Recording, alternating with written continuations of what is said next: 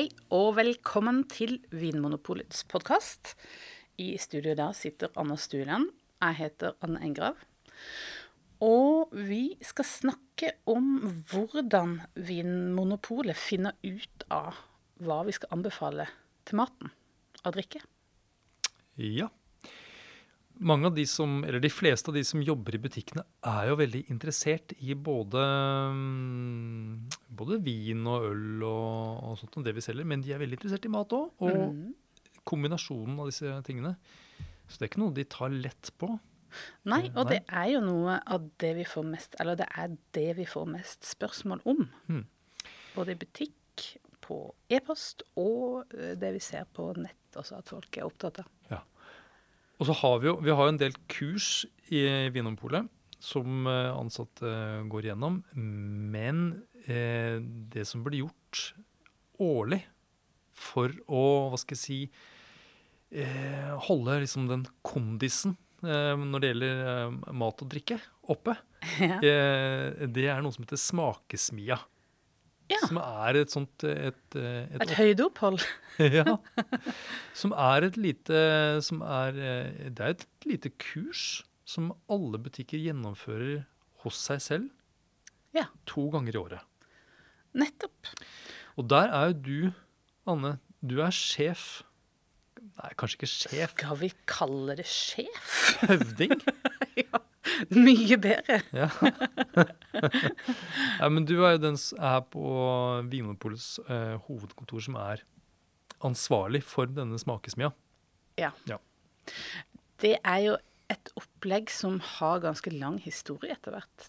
Vi har holdt på nå i tolv år, to ganger i året, å eh, sende ut et slags ja, det er en oppskrift eh, på hvordan man skal gjennomføre et sånn to timers eh, smaking med diskusjoner.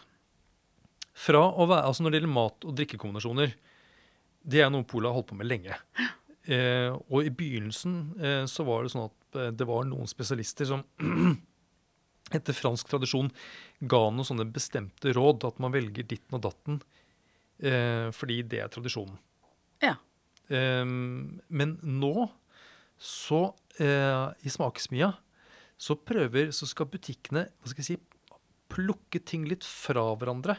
For å liksom se på hva er det egentlig som skjer. ja. Hva er det som egentlig har noe å si? Ja.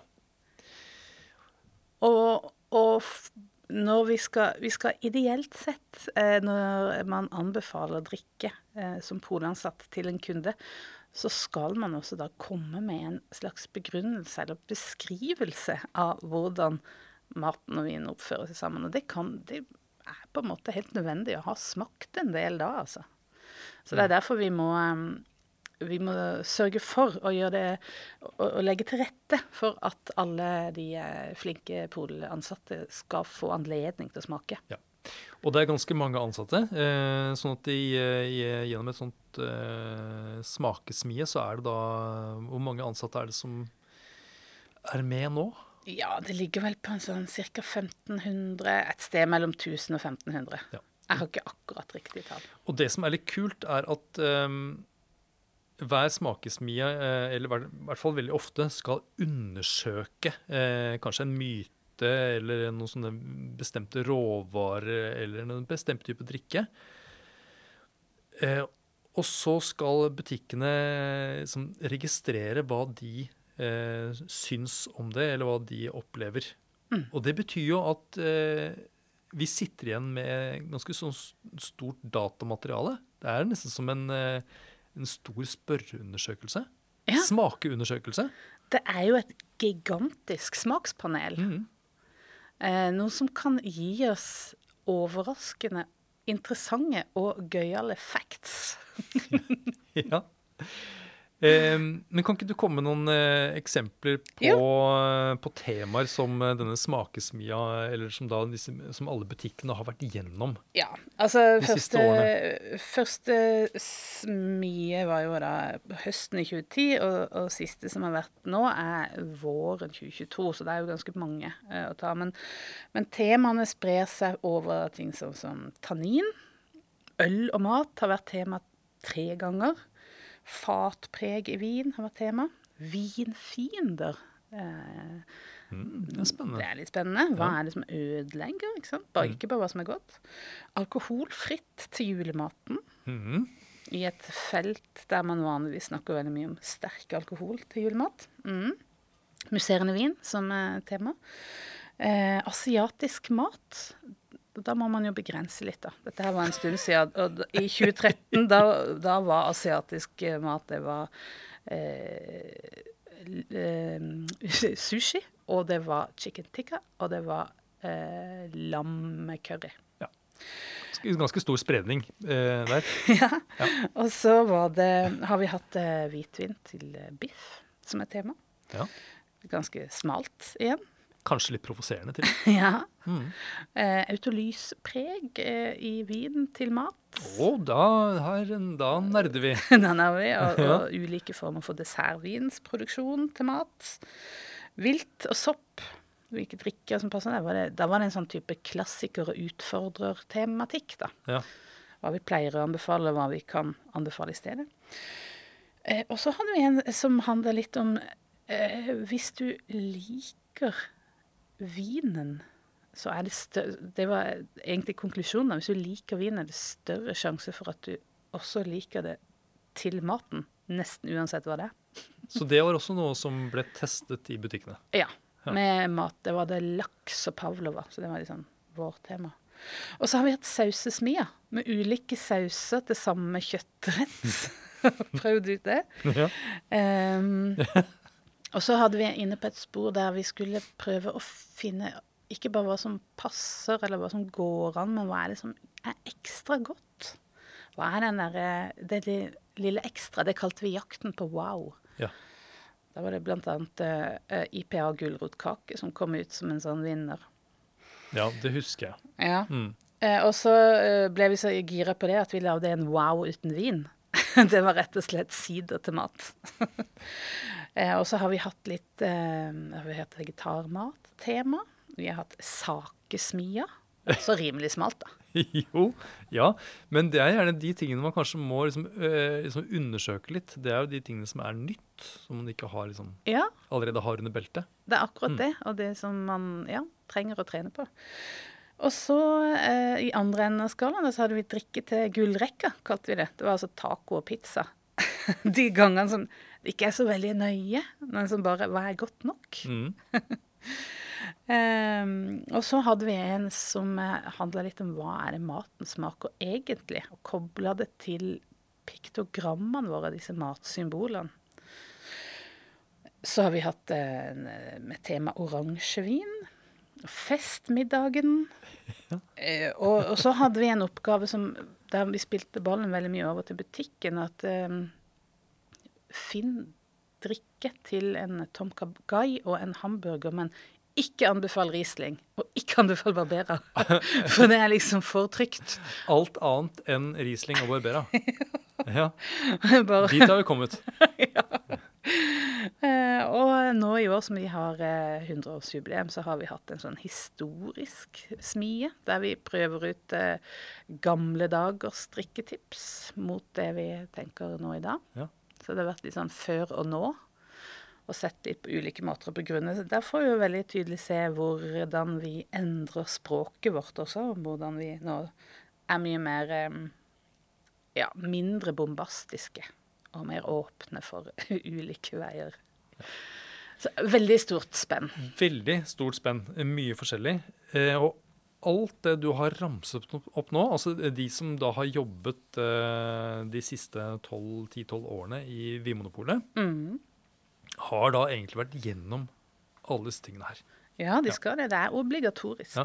Det skal skje over hele landet. Ja. Eh, og eh, noen av disse smakesmiene har tatt opp noen temaer som, er, som jeg syns er veldig spennende. Du nevnte jo vinfiender, f.eks.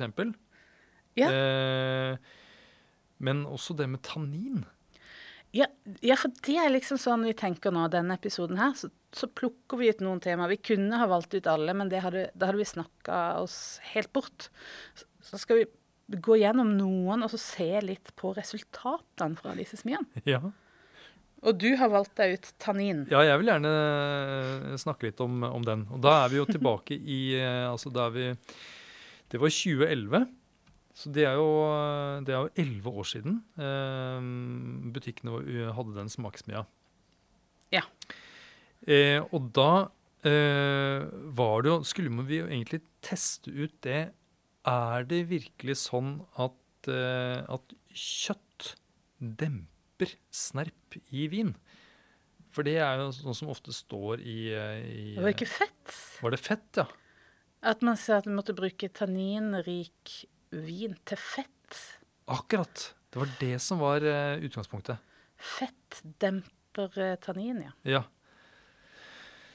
Så, da måtte vi, så det, her måtte vi gå litt grundig til verks og så prøve da å finne ut hva er det egentlig med en sånn klassisk eh, kjøttrett som egentlig påvirker eh, hvordan, hvor snerpende vinen oppleves. Mm. Og da eh, hadde vi valgt ut en, eh, en rett som det var basert på det var ytrefilet av eh, okse. Mm. Og så var det potet. Var det kokte poteter? Eller potetmos? Eh, jeg tror det var ovnsbakt Altså det var sånn hel potet. Nettopp. Ovnsbakte poteter. Mm. Og så var det da en soppsaus. Med, altså med fløte. Ja. Så det er jo eh, det er sausen som er fettet her, da. Og da ble det prøvd to viner til. Ja. Eh, det var en eh, som var basert på Nebbiolo. Altså en sånn eh, nord... En sånn piemontesisk, litt stram og frisk rødvin. Og så var det en Tydelig tannin i. Ja. Og så var det en, en pinot noir som ikke hadde så markant snerp. Ja. Eh, og hva var resultatet da? Eh, så fikk, de, ja, for Oppgaven var å smake da liksom hver bestanddel. Man smakte ikke liksom eh, alt saus og potet og kjøtt sammen. Man tok liksom for seg Ja. kjøttet, og så smakte man vin til det. Og så tok man poteten, og så tok man sausen til slutt. Ja, det var ikke noe kos. Det Nei. var liksom å gå inn og analysere delene av retten og, og kjenne etter hvordan endrer vinen seg. Ja. Ikke noe njutning, nei. Nei, nei, for det er jo ikke sånn folk, eller sånn man spiser middagen eh, vanligvis. At man liksom bare spiser kjøtt og bare spiser. Men, men dette her var jo for å liksom eh, faktisk finne ut hva, hvilke bestanddeler i retten er det som påvirker. Nettopp. Ja. Og hva var det vi fant ut? Eh, Jo, det som eh, er litt pussig, er jo da at det, det tegner seg et veldig tydelig bilde. For det første, så, man skulle jo tro etter eh, den teorien som var gjeldende da, egentlig, var det at det skulle være soppsausen, den derre fløtebaserte, fettholdige sausen, at det var den som skulle gjøre at eh, vinen snerpa mindre. Mm. Eh, og da fikk, ble alle bedt om å sette klokke. Først så smakte du på vinen, og så satte du en klokke på hvor mye snerp det var. Og så smakte du mat og vin rett etterpå, og så satte du en ny klokke. Eh, og så fikk du spørsmålet hvor eh, blir eh, vinen Får vinen mer, mindre eller like mye snerp sammen med maten? Mm. Svarer du egentlig på det. Eh, og når det gjaldt eh, soppsausen, så sa faktisk eh, 66% at den ble dempa med maten.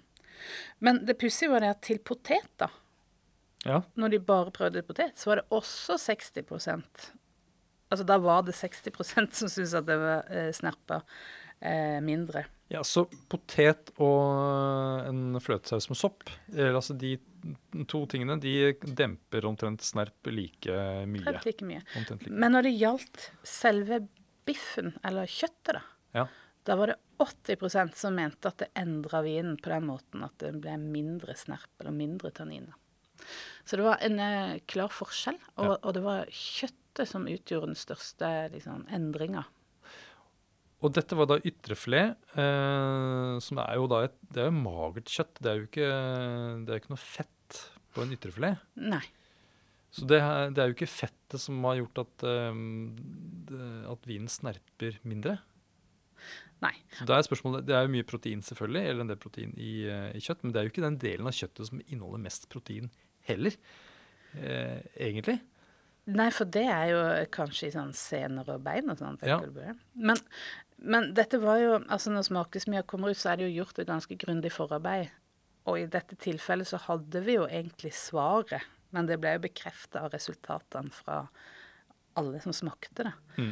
Men det handler jo om at eh, eh, det er Jo, det er proteinet i, eh, i kjøttet til en viss grad, for protein binder seg til tannin. Men det er også det proteinet som finnes i spyttet ditt, som produseres når man tygger kjøttet. Mm. Og det ble jo også testa i denne smia. Eh, som ikke var så populært av at man fikk eh, et glass med rødvin som du skulle smake på, spytte ut i glasset igjen.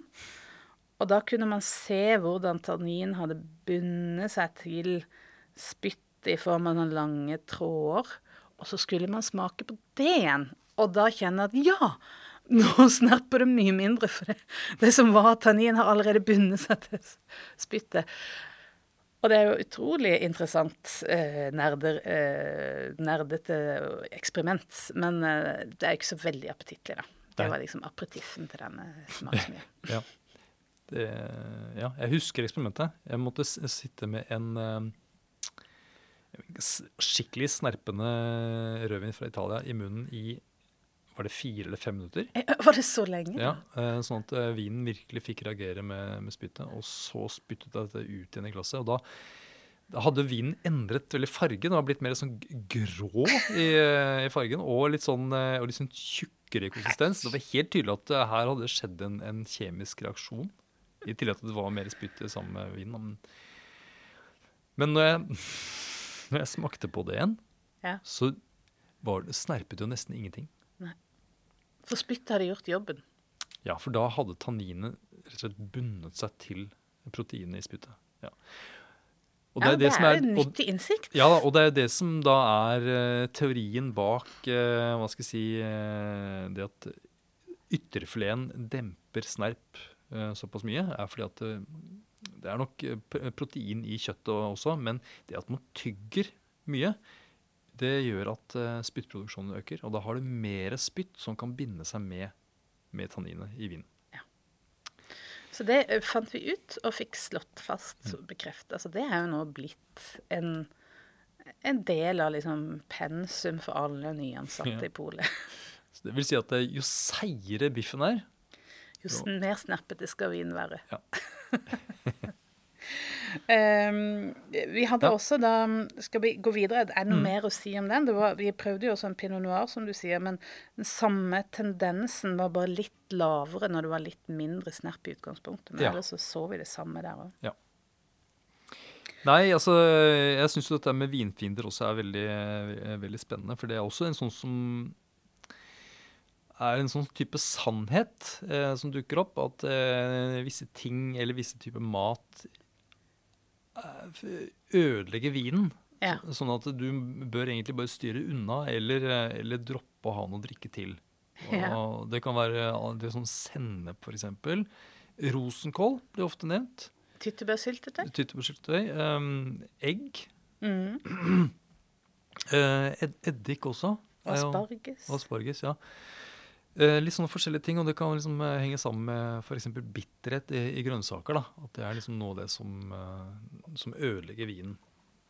Så dette her skulle vi finne litt mer ut av. Gå litt grundig til verks. ja. Men uh, sånn som jeg husker så kunne vi ikke sende ut liksom alle slags typer uh, vinfiendtlige råvarer til butikkene. Vi måtte, uh, vi måtte rendyrke det litt. Så det var jo noen smakinger på forhånd med en, en, en gruppe med mennesker. ja, for det er jo en del av Mm. Og da, da testet vi jo bl.a. sennep og eddik og tyttebærsyltetøy og rosenkål og ja. Og egg. Eh, og faktisk eh, tomat i litt sånn forskjellige versjoner også. Alt fra sherrytomat til soltørket tomat. Eh, og det vi landet på, det vi eh, opplevde liksom hadde en eh, litt effekt, det var jo da tomat. Ja. Eh, så det, eh, det ble sendt ut av eh, smaksmia, eh, tomat, men også egg. For det er jo også en, en vinfiende som ofte blir omtalt. Og så er det en råvare som eh, i hvert fall ikke er uvanlig i, i matsammenheng, da. Nei. Mm. Og eh, her var vel tanken litt det at eh, det en, den ene skulle vise seg å være en altså Forarbeidet viste at den ene av disse to var en eh, vinfiende. Altså at den gjorde vinen dårligere enn den var i utgangspunktet. Mens den andre ikke hadde så mye å si. Og Mm. det skulle liksom være det pedagogiske poenget. Ja. Og eh, her eh, er det jo da snakk om at egg egentlig det, er ikke så, det, det har ikke så stor påvirkning på vinen. Nei, det var det denne gruppa erfarte sånn eh, innledningsvis. Men resultatet fra uh, når alle butikkene hadde smakt, var ikke så uh, tydelig. Det, da virket det som uh, de fleste syns at både tomat og, og egg faktisk endret vinen, sånn at den eh, gjerne ble mer ofte, hva, hva var effekten av det? Det var liksom gjerne at eh, man mist, mistet frukt. Det ble mer snerpende. Vinen ble mer snerpende. Ja, Ja. i de tilfellene det var, ble prøvd til eh, rødvin, ja. Mm. Og at den kanskje rett og slett når det gjaldt eh, eh, egg, så var jo en del av det at ikke det skulle overdøve. Så det at, altså at ikke vinen skulle overdøve maten, men at man i noen tilfeller opplevde det. At vinen ble, tok for mye plass. Men det ødelegger jo ikke egentlig vinen, det, da. Nei. Men at ikke det er en god kombinasjon, kanskje. Så eh, det var egentlig et ganske tydelig eh, svar vi fikk. For vi spurte på forhånd så spurte vi alle ansatte hva tror du er mest eh, vinfiende? Ja. Egg eller tomat? Ja. Var det ikke sånn? Jo. Og da sier 58 de tror det er egg. 42% tenker at det er tomat. ja. Så det er jo liksom, de fleste tenker at det er egg som, er, som har dårligst på en måte påvirkning på vinen. ja. Egg har dårlig, dårlig styrke. ja. Ja. Men jeg syns jo likevel at det er eh, overraskende at det er såpass mange som svarer tomat. ja, egentlig. Ja. Faktisk. Og så fikk man jo da prøve både fersk tomat, som er altså ubehandla, ukokt, rå tomat, mm. eh, og innkokt. Altså at da fikk de beskjed om å fjerne inn maten av en tomat og koke det inn sånn at det ble konsentrert. Ja. Og at det ble en slags sånn tjukk juice, da. Ja. Og, og da blir jo alle Altså den umamien og, og syra i tomaten blir jo også tydeligere. Og det viste seg at det hadde en stor effekt. Eh, fra at eh, 60 mente den ferske tomaten hadde en dårlig innvirkning på vinen, så steig det til 78 når den tomaten ble konsentrert. Ja. Men så, ja. ja, så det og sånn, ja, så da, så da er det vel altså sånn tomatsaus som en innkokt tomat eh, Ja, kan være da litt problematisk til vin. Mhm. Men eh, også prøvde de også det eggerøre til. Ja, og da var det jo faktisk 74% som mente at det hadde en dårlig effekt på vinen. Ja. Så et tydelig flertall der òg. Men, eh, men ikke så ulikt da innkokt eh, tomatsaus, egentlig. Eh, ja. Og, og da vi spurte ettersmakinga, hva mener du nå er den største vinfienden, egg eller tomat, så var det helt likt som før de begynte smakinga. Omtrent. ja. Så man har kanskje fått bekrefta noe man allerede har liksom en tydelig eh, tanke om. Da. Ja, det kan du si, men jeg, jeg tenker at når det gjelder akkurat den vinfiendesmakingen, så er det noe med det å få å vise til ham det at tomat, som er en så vanlig råvare i mange middagsretter øh, Mye av det italienske kjøkkenet, altså sånn her i Norge i hvert fall, så Ja. er det ofte tomat. Det er tomatsauser her og der og Ja. Ja, Man er- støter borti tomaten ganske ofte når Ja. man skal sette vin til. Sånn at eh, det også vite det at eh, kanskje spesielt rødviner har en tendens til å da eh, miste fruktighet og framstå som mer snerpende hvis man har Hvis det er sånn mye tomat i maten. Mm. Konsentrert tomat, Mm. det vil eh, Da trenger man litt mer konsentrasjon, rett og slett. Ja.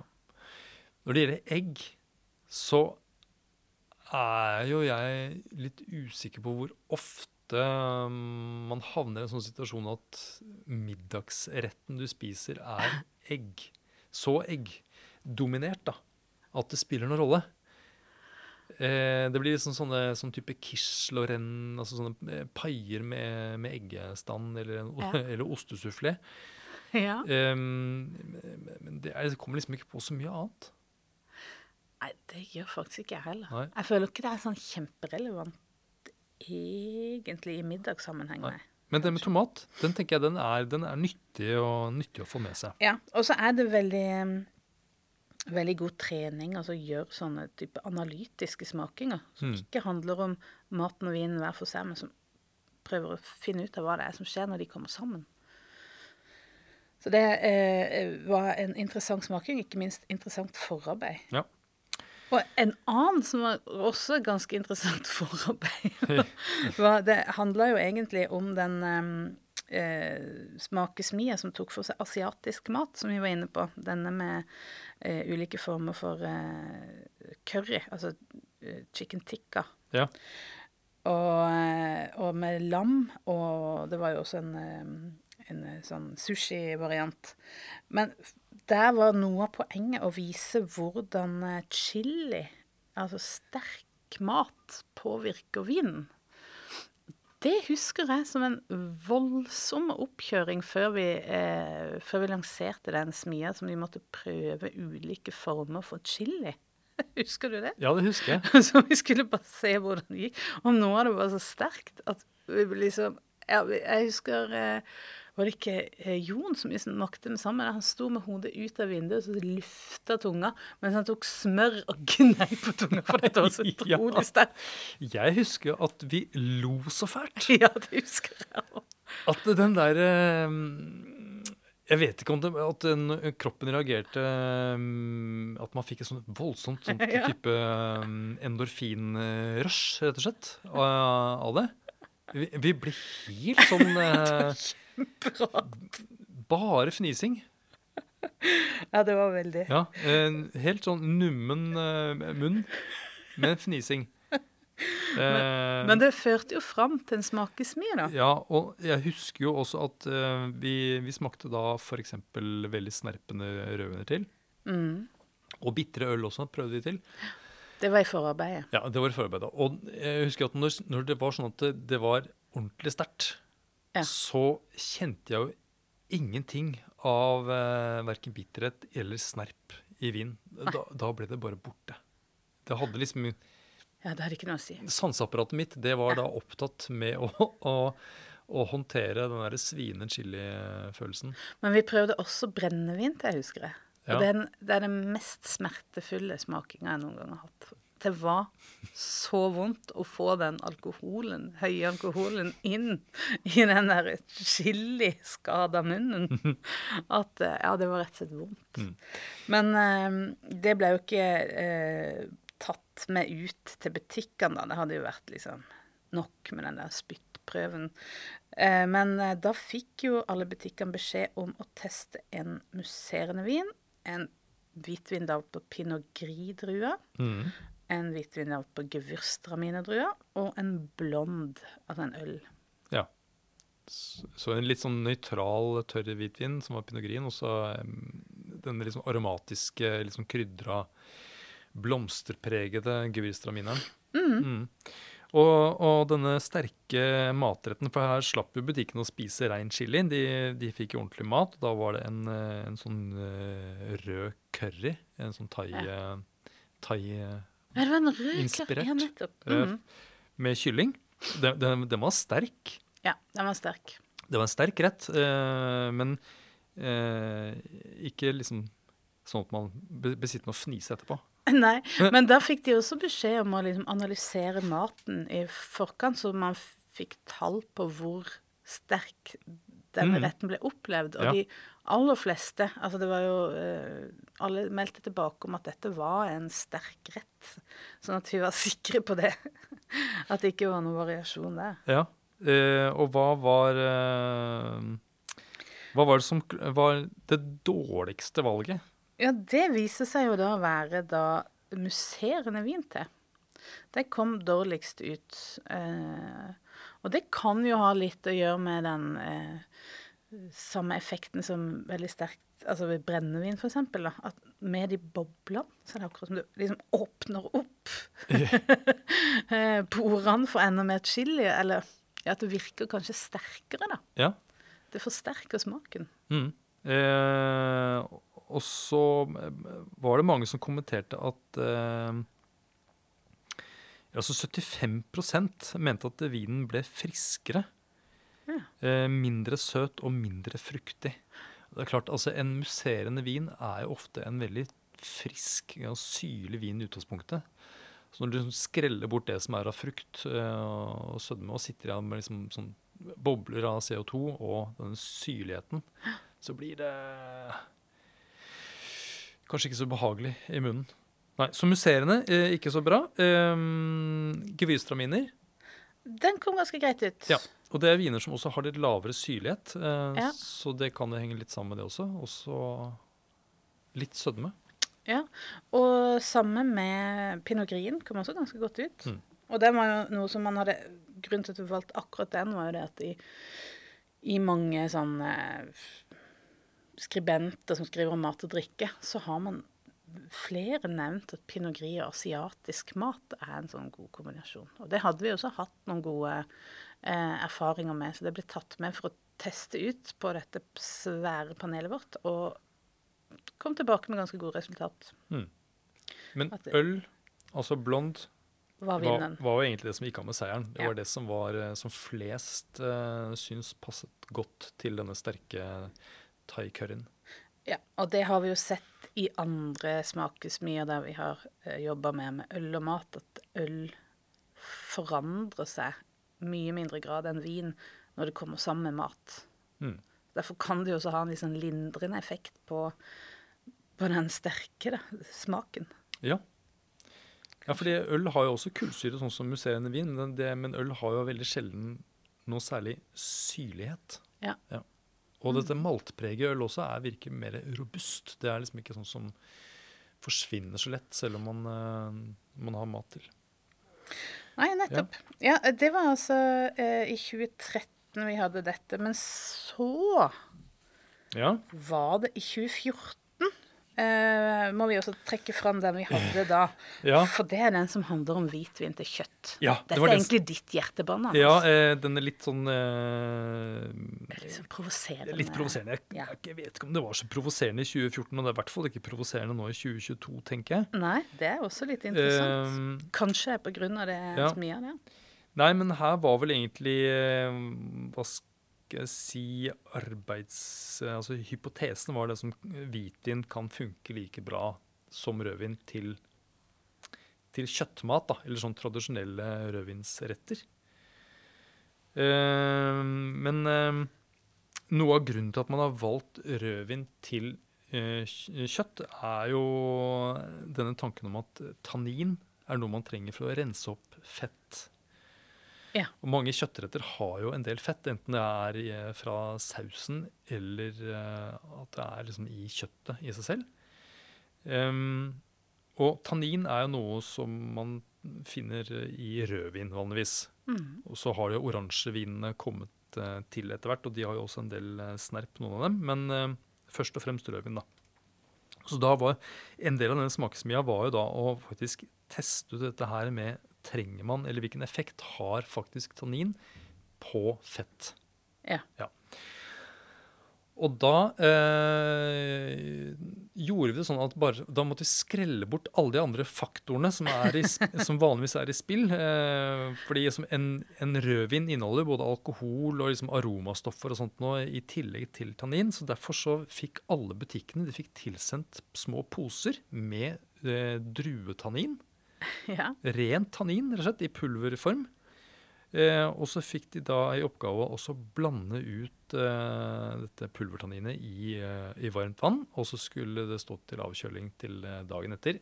Og så skulle man smake da denne tanninteen eh, til en bit med smør. fett. Ja, Tannin og fett. eh, en, en bit med usaltet smør. Fordi man liksom, hvis, vi skulle ikke blande inn salt i, i dette her, her var det egentlig snakk om skulle man finne ut liksom tannin og fett. Ja. Hvordan funker det sammen? eh, og eh, resultatet var at 60 av eh, de i butikk eh, mener at tannin ikke eh, renser fett. Altså det vil si de opplevde ikke at tannin eh, renset fett. Og når man sier det renser fett, eh, så betyr jo det da å fjerne fettet, da. Ja, og jeg vet jo ikke helt hva mm, Det er jo ikke sikkert at alle liksom tolker eller forstår det på samme måte når man sier rensefett. fett. men det er jo sånn, man sånn Det er vanskelig å gjøre en måling i munnen mm. når man sitter på sånn smaking, om man faktisk om fettet blir borte. Det Ja. blir jo mer en, en følelse, en opplevelse, en, eh, en, ja, av om liksom fettet er borte, eller at det er mindre fett i munnen. 60% mener at det ikke kjentes ut som om det ble mindre fett i munnen. Men 40% mente jo jo, det føles ut som det er mindre fett i munnen. Ja. Men det har vi jo også en teori på, da. At det handler om at eh, du får noe annet inn i munnen samtidig med smøret, da. Mm. Så den glatte følelsen som smøret gir, blir på en måte litt erstatta, eller i hvert fall dempa litt av en sånn struktur.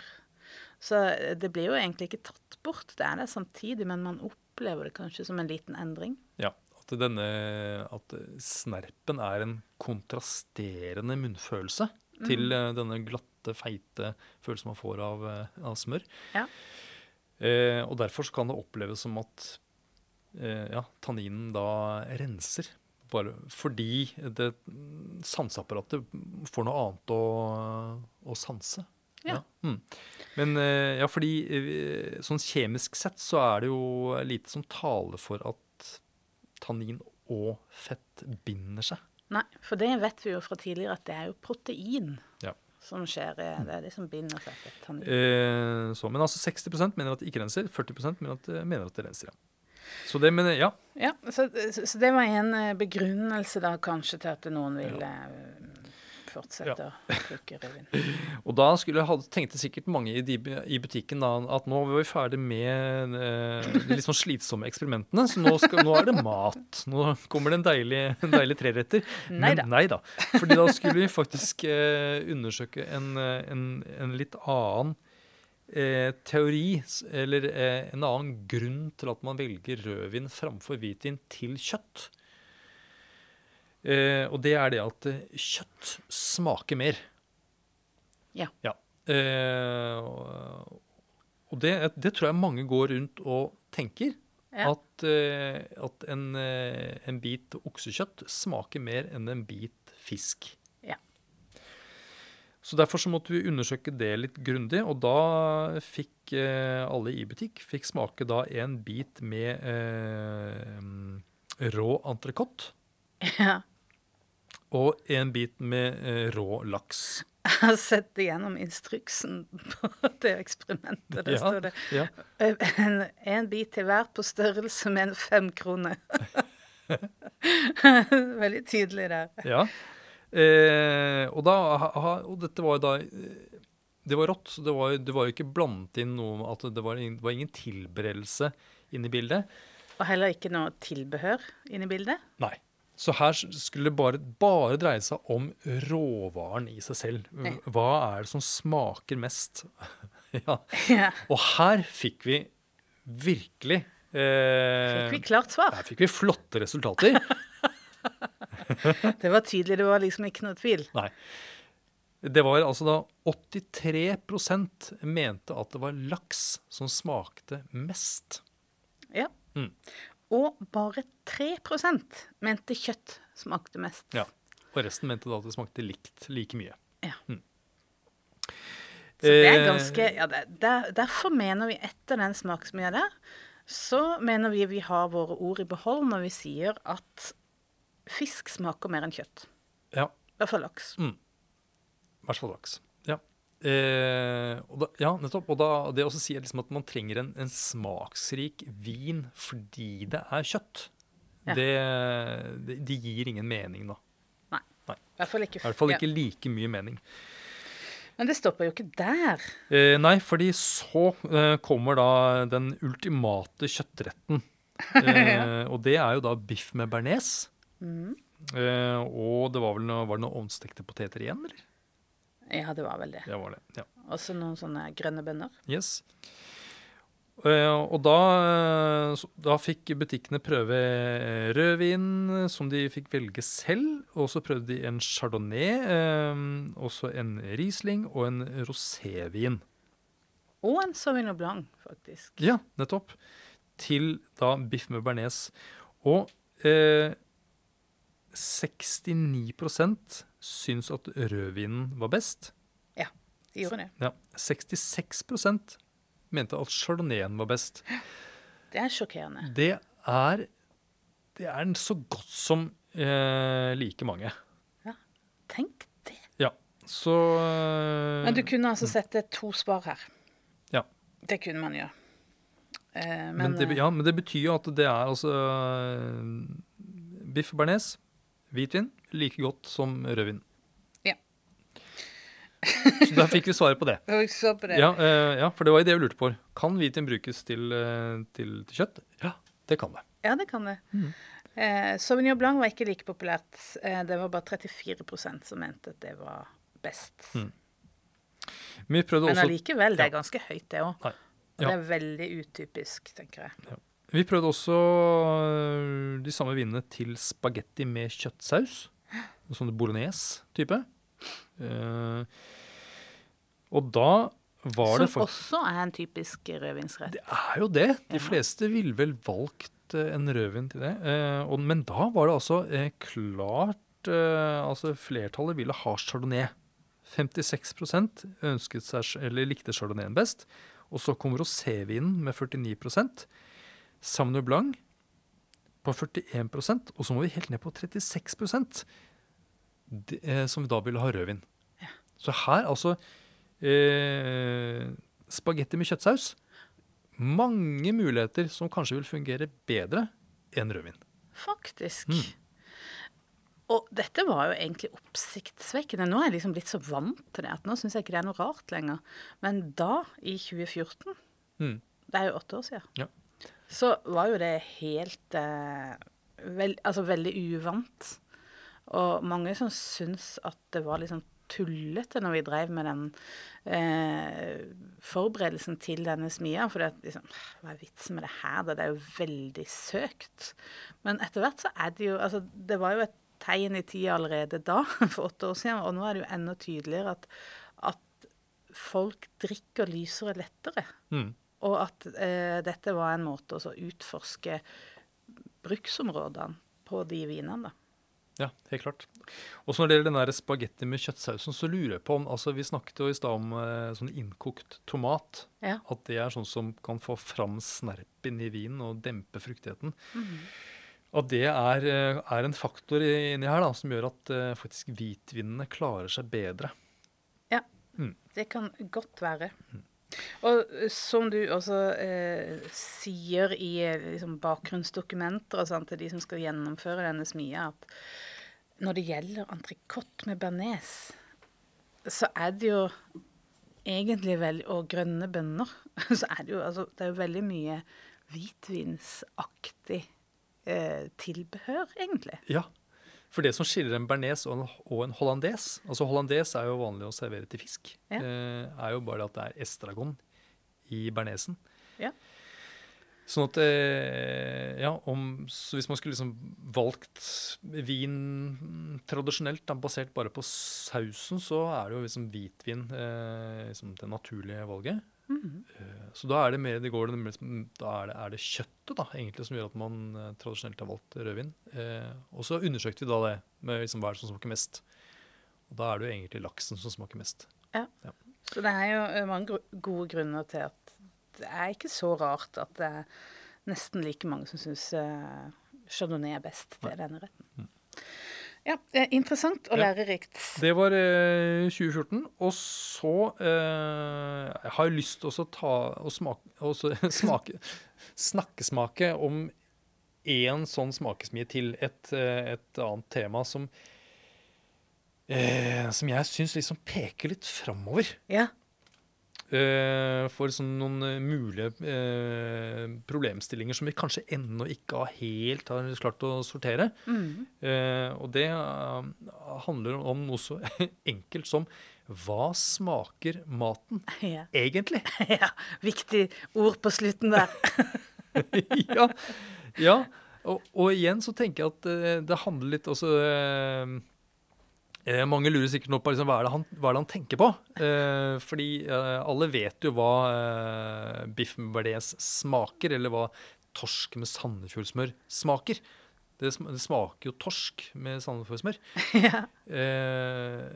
men Nei, det er ikke så enkelt. Og noe av grunnen til at uh, vi, vi, lagde en smie på akkurat dette her, um, var jo fordi at vi hadde hatt en prøving noen år tidligere der uh, vi hadde kjørt komplette matretter i en blender. Ja. Altså én og én rett, da. var, ja, ja, med uh, alt tilhørende den retten. Ja.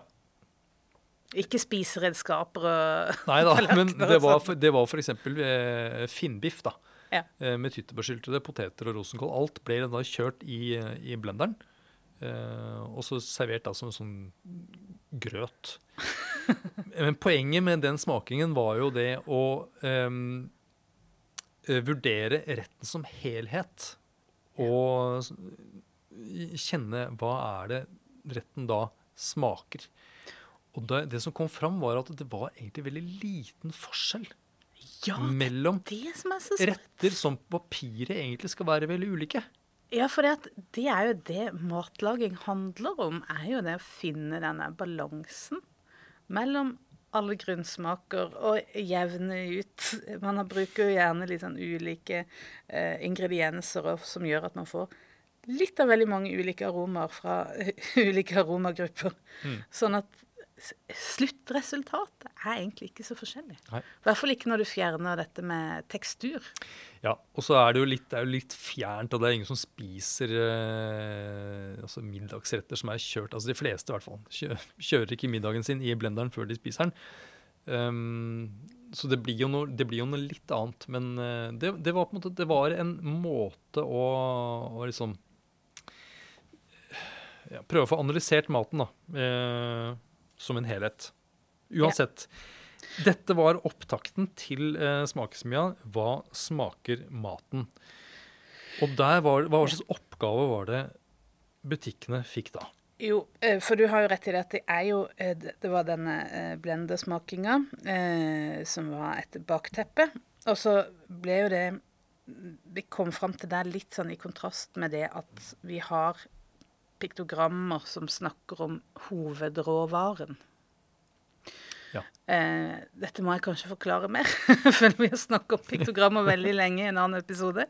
Men vi har jo en slags sånn bruksveiledning på hylleforkantene våre, eller på, ja, det er prislappen på hyllene våre, som eh, sier noe om eh, hva man kan bruke eh, drikken til. Og det tar utgangspunkt i råvare. Ja, så altså Det som som regel er proteinkilden på tallerkenen, så hvis det er eh, en Altså svin, f.eks., mm. eh, det piktogrammet, ja. det henviser da til matretter der det er sånn svinekjøtt ja. involvert. Riktig. Mm. Eh, så eh, vi har jo da begynt å skjønne at hva er det egentlig som utgjør forskjellene på retter? Er det råvaren, eller er det noe helt annet, eller er alt egentlig helt likt? Så oppgaven til de eh, smiedeltakerne i Hva smaker maten, smia, det var at du skulle spise litt av en eh, komplett rett som er rett og slett dampa torsk med gulrøtter og sandefjordsmør og potet. Ja, veldig vanlig rett. Ja. Og en god rett. Mm. Eh, og så skulle man sette et piktogram på. altså man skulle si Fikk spørsmålet hva smaker maten mest av? Hvilken piktogram eh, dominerer denne retten? Og da fikk du fisk, som er det reelle program, eh, piktogrammet, eh, som en mulighet. Ja. Men i tillegg så hadde vi lagd et på gulrot og et på smør. Ja, ok, Sånn at de fikk smake, eh, ma, eh, spise eh, maten, ja. og så skulle de da velge et av disse tre piktogrammene Eh, og da måtte jeg tenke liksom, hvilke av disse piktogrammene er det som egentlig representerer smaken på maten Ja. best. Mm. Og det ble jo veldig tydelig Det er jo en fiskerett.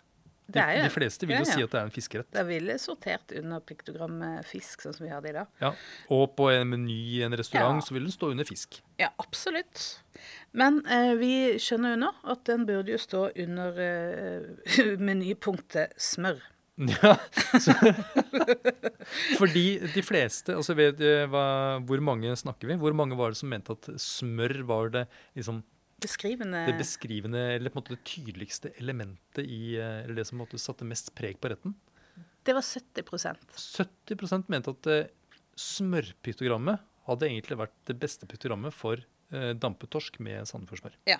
Og, og bare 21% syns fisk var det mest beskrivende piktogrammet.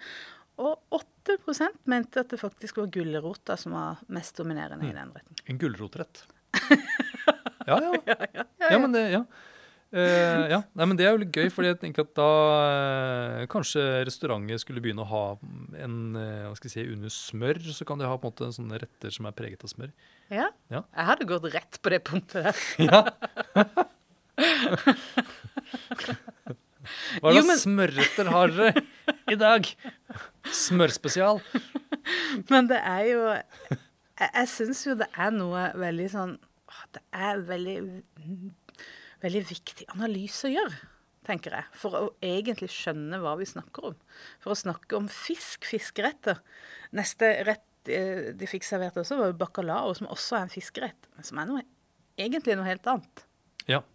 For der er det jo tomat og chili og paprika og Ja. og masse olivenolje og sånt. Ja. Da kunne man da velge mellom eh, piktogram for tomat, piktogram for fisk, igjen, som er det som finnes eh, på ordentlig, og så piktogram for chili. Men det pussige der er jo at forskjellen med, Altså, i eh, denne torsk med sandefjordsmør så var det jo et veldig tydelig resultat på smør. Mm. Men i bacalao, som jeg ville ha tenkt Å ja, men det er jo en tydelig tomatrett. Det er sånn jeg tenker. ja. Men det har fordelt seg ganske jevnt. Ja. Mye eh, mindre forskjeller. Ja, det er 44% som mener det er en tomatdominert rett. Nesten halvparten, altså. Ja. Ja. Men det er også 30% som mener det er en fiskedominert rett. Ja. Og, Og 24 på chili. 24 på chili. Ja, fordi eh, jeg syns husk at mange, altså mange som jeg prater med om bacalao, det er noe jeg ofte gjør, Ja. eh, nevner ofte at det er liksom chili. Ja, det, er det, som, det, er en, eh, det er en sterk eh, rett. Det er det som er liksom det viktige med bacalao. Men det er da tomaten som er det dominerende. ja. Og jeg, og jeg tenker det må også eh, Det også da finne ut av hva er det som er det, det dominerende elementet i retten. Eh, bør jo da Det bør man ta med seg når man skal uh, sette drikke til. Ja, for det er jo også litt det er det som er tanken her. ikke sant? At Det man skal kunne kunne bruke det til noe. Og det de som var deltakerne her i den, som jeg ikke visste, var jo at de vinvalgene de hadde fått, var egentlig tilpassa hvert enkelt av elementene. Så når vi i forarbeid hadde funnet ut, så fant vi ut at hvis vi bare skal sette drikke til fis dampa torsk, så valgte vi en eh, chablis. Ja.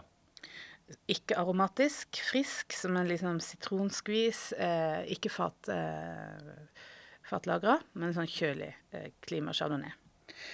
Eh, og til eh, smørsausen, eller Sandefjordsmøret, så valgte vi også en chardonnay, men en rikere stil fra USA. Modnere frukt, mer eh, fat, litt sånn bærmepreg, sånn sværing. Mm. Det hadde nesten litt sånn smøraktig eh, preg og en litt sånn feitere munnfølelse òg. Ja, Mm. som var liksom, skulle være bankers til den sausen. Og så valgte vi en grüner veltline som var spesialplukka til gulrota. Ja, det må du forklare litt hvorfor Grüner veltlineren var den perfekte gulrot. Ja, det var kanskje det element som var vanskeligst å finne en sånn veldig tydelig eh, match til. Men det er jo noe med aromaen i grüner veltline som har både litt sånn urtete, men også noen sånne rotgrønnsakaromer. Ja, jeg er jo enig i. At eh, liksom, en god Grüner Weltliner har en litt sånn bunn av noe rotfrukt. Ja.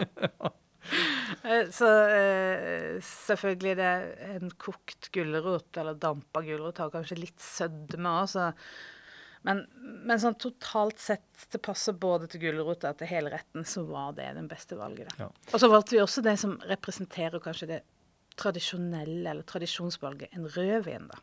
For å ha den med inn i, i uh, sammenligninga. Ja. Men da, sånn at eh, eh, av, av disse vinene, så er det jo det, det er denne amerikanske chardonnayen som da var liksom plukket ut for å passe til smørsausen. Den burde jo fått 70 til Det bør jo være den som da går av med seieren, men er det det som skjer? Nei, det er ikke det. For, for det burde jo, som du sier, det burde jo fordelt seg jevnt ut etter hva man, hva man syns dominerer retten. Men det, er, det fordeler seg nesten helt likt Ja. På de tre uh, hvite vinene. Ja. Altså det er så likt at det er sånn ja, statistisk helt likt, da. 28 omtrent på hver. Ja.